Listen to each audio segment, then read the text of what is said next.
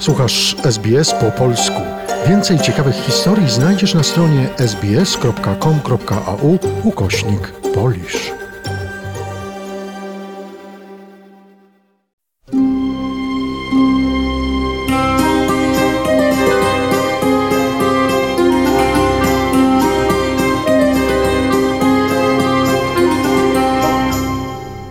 Opowieści Suczki Feli, czyli psiografia, rozdział 10, Psie przedszkole. Beza, tak jak wcześniej wspomniałam, była moją największą, ale i zarazem najmniejszą przyjaciółką. Do tego była cudna, chociaż na pierwszy rzut oka wyjątkowo szpetna. Ale ludzie i ja kochamy takie pełne uroku, obiektywnie brzydkie mopsy. To była jedyna suka, z którą bez warknięcia dzieliłam swoje posłanie, kiedy wpadała do mnie z sąsiedzką wizytą. Byłam skłonna nawet dzielić z Bezą miskę, ale ponieważ Beza nie miała zębów, więc na szczęście nie było tej konieczności. Natomiast miseczka Bezy była tak mała, że po jednym moim liźnięciu jej papki do podziału między nami już nic nie zostawało. Podejrzewam, że podczas tych naszych domowych spotkań Beza nie była najszczęśliwszym psem na świecie i zapewne trochę głodnym. Pani nazywała dom Bezy psim przedszkolem, bo czasami zostawiała mnie tam, kiedy wyjeżdżała z teatrem na występy gościnne. Beza mieszkała razem z trzema kotami, dwoma myszkami, jednym królikiem i oczywiście ludzką rodziną. W przedszkolu było zawsze bardzo fajnie, bo mogłam leżeć na łóżku albo na kanapie i wyjadać jedzenie kotom, a w kuchni czekały na mnie specjalnie upieczone ciasteczka z wątróbki. Miały one zastosowanie jako tak zwane smaczki nagrody. Dostawałam je wtedy, kiedy byłam grzeczna, a ponieważ grzeczna byłam cały czas, więc jadłam je na okrągło. W efekcie sama szybko się zaokrągliłam. W przedszkolu najfajniejszą zabawą było gonienie kotów po całym mieszkaniu. Koty chyba były innego zdania i nigdy nie były zadowolone z moich odwiedzin. Chowały się po kątach, prychały i machały ostrymi jak brzytwa pazurami. Wolałam wtedy odwiedzić kicającego w sąsiednim pokoju królika o imieniu Fibi. Wszyscy mówili, że to dziewczynka, ale ja od początku wiedziałam, że to chłopak. I oczywiście po roku okazało się, że miałam rację, a nikt wcześniej nie chciał mi wierzyć.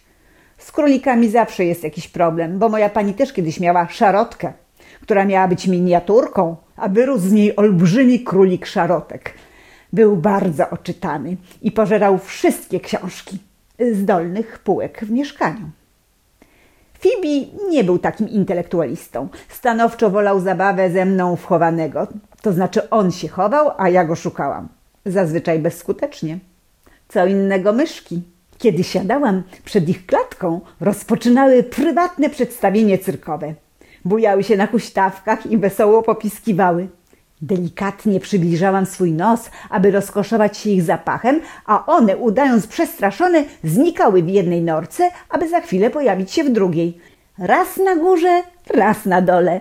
Robiły to tak długo, aż grzecznie wróciłam na swoje miejsce, aby z oddali obserwować dalsze zaskakujące akrobacje. Wtedy myszki ponownie pojawiały się na środku klatki i wskakiwały na tekturową rolkę po papierze toaletowym przebierały zabawnie małymi nóżkami i wprawiały tę rolkę w ruch. Na koniec całego show zakopywały się w trocinach, wystawiając do góry swoje cienkie ogonki. Zawsze żałowałam, że jestem o te 50 kilo za ciężka i nie mogę razem z nimi poszaleć. Najbardziej zazdrościłam myszkom tekturowej rolki. Szkoda, że ludzie mają takie małe papiery toaletowe.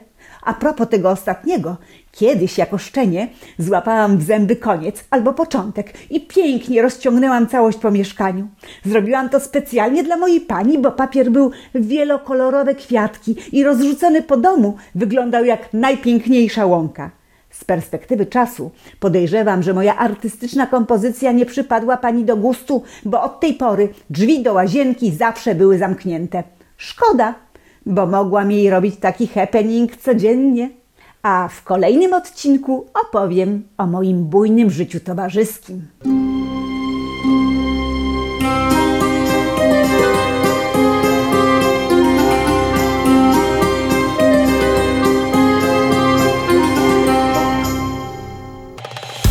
Polub nas na Facebooku Udostępnij innym, skomentuj, bądź z nami na polskim Facebooku SBS.